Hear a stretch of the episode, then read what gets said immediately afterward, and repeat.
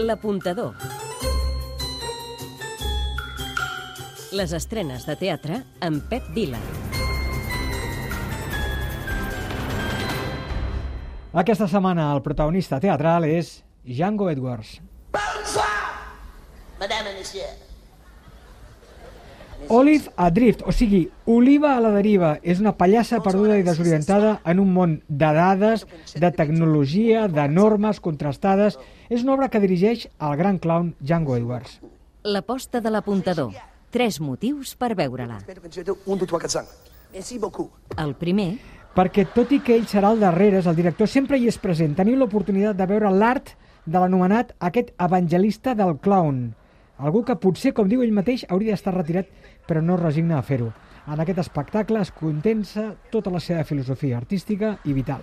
el segon, Perquè aquest espectacle és la continuació d'un altre, Black and Blue, on la protagonista, com ara, és Christy Garbo, o sigui, una pallassa d'una sensibilitat estremidora. El tercer, Per conèixer, si no el coneixeu, aquest petit teatre de la Gleva, al barri del Ferró de Barcelona, a prop de la plaça Molina, on, com tants d'altres teatres petits, es fan espectacles de qualitat que mereixen ser descoberts i reconeguts. Hola, sóc l'Anna Moliner i és l'apuntador qui us ho recomana. Doncs estrena destacada d'aquesta setmana a la Gleva, però també hi ha a d'altres indrets. No creo que existan los milagros, ¿no?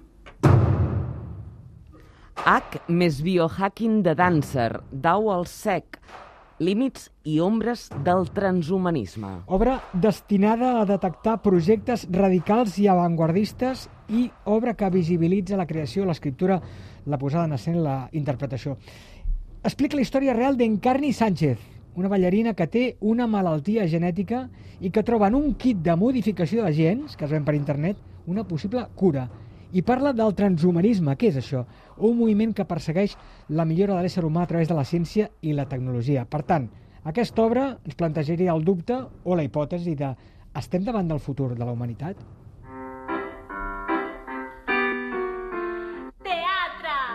Brossa és brossa, escenari brossa, univers brossa. De la companyia Brossa... No, de la companyia Pinya Bausch, nascuda a Barcelona fa menys de dos anys. És una creació i actualització d'alguns dels poemes de Brossa, com ara Els bigotis, La mosca, Viatge, Arbust Brossa, i és una peça que gira entorn al tractament dels objectes de la nostra quotidianitat i també a la seva acumulació com a causa del maltractament del planeta. L'acció, dins d'una petita habitació que recopila les deixalles que hem produït al nostre pas. És un espectacle en format cabaret, amb imatges plàstiques i música. La Font de la Pólvora, TNC, un dels barris més perjudicats per la desigualtat. Llàtzer Garcia dona vida a aquest barri que gairebé no surt mai a cap postal gironina i que rep el nom perquè està situat al peu de l'antic polvorí. I les aigües de la font sempre han tingut un gust lleugerament picant. Allà, als anys 70, es va construir una urbanització tancada per encabir bona part de la immigració més desafavorida. No va trigar a relacionar-se aquest barri amb la delinqüència i el tràfic d'estupefaents, que ara, ara per ara, s'ha greujat.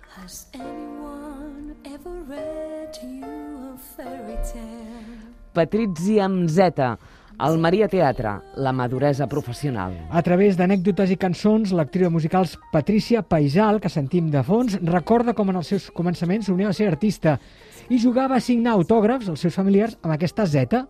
Doncs el somni de Patrícia es va fer realitat. També recordeu que al Teatre del Raval de Barcelona hi ha una àmplia programació aquests dies amb Mistà per Sex, Parallel Ways, un espectacle conjunt de dansa i multimèdia, o Rosita, que recrea l'univers Lorca, o també la comèdia Illes, coses de xiques. Set maneres de ser Hamlet.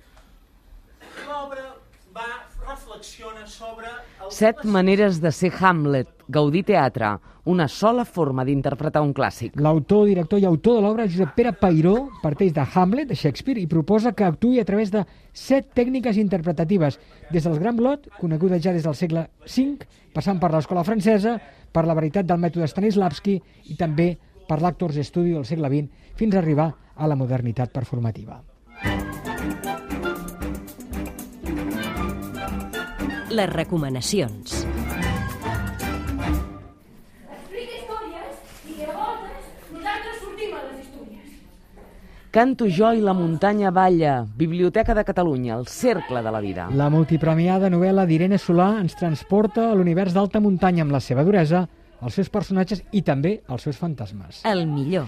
En efecte, aquest món, el d'una zona indefinida d'alta muntanya entre Camprodon i Prats de Molló, amb els pagesos, els vius, els morts, els animals, els núvols, la pluja, tot això barrejats amb l'enigmàtica i també mítica sorra de la Biblioteca de Catalunya. El pitjor, Doncs que a Laura li sobra uns minutets.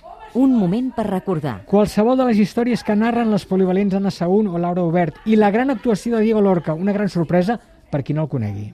En definitiva, Deixeu-vos portar, oblideu-vos de tot durant una estona i entreu al món imaginari, o no tant, d'Irene Solà. Pocs indrets com la Biblioteca de Catalunya per significar també aquest repte. L'apuntador. Les estrenes de teatre amb Pep Vila.